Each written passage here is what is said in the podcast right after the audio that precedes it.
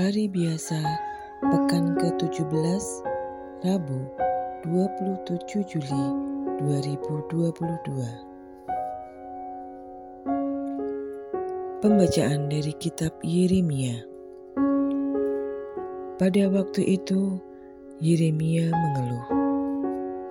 Celakalah aku, ya ibuku, bahwa engkau telah melahirkan daku sebab aku seorang yang menjadi buah perbantahan dan buah pencederaan bagi seluruh negeri.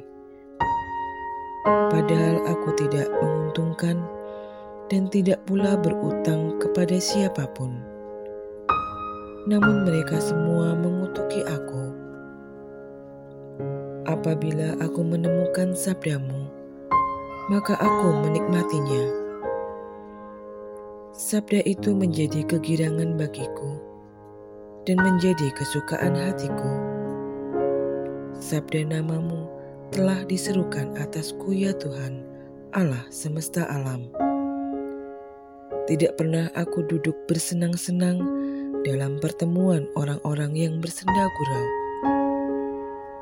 Karena tekanan tanganmu, aku duduk seorang diri. Sebab engkau telah memenuhi aku dengan geram. Mengapa penderitaanku tidak berkesudahan dan lukaku sangat payah, sukar disembuhkan? Sungguh, engkau seperti sungai yang curang bagiku, air yang tidak dapat dipercaya. Maka Tuhan menjawab, "Jika engkau mau kembali, aku akan mengembalikan dikau menjadi pelayan di hadapanku. Dan jika engkau mengucapkan apa yang berharga dan tidak hina, engkau akan menjadi penyambung lidah bagiku. Biarpun mereka akan kembali kepadamu, engkau tidak perlu kembali kepada mereka. Terhadap bangsa ini, aku akan membuat engkau sebagai tembok berkubu dari perunggu.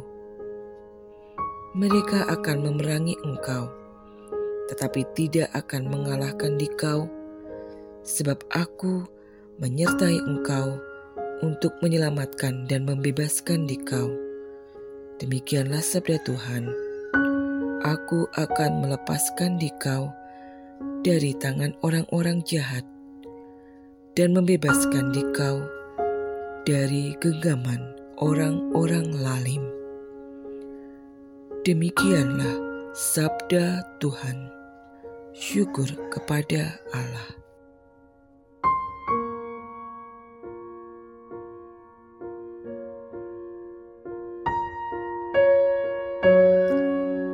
Bacaan Injil menurut Matius. Sekali peristiwa, Yesus mengajar orang banyak.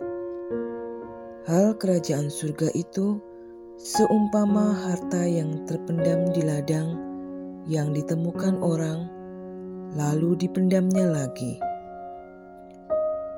Karena sukacitanya, pergilah ia menjual seluruh miliknya, lalu membeli ladang itu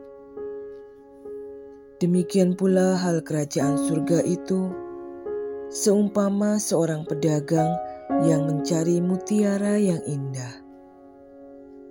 Setelah ditemukannya mutiara yang sangat berharga, ia pun pergi menjual seluruh miliknya, lalu membeli mutiara itu.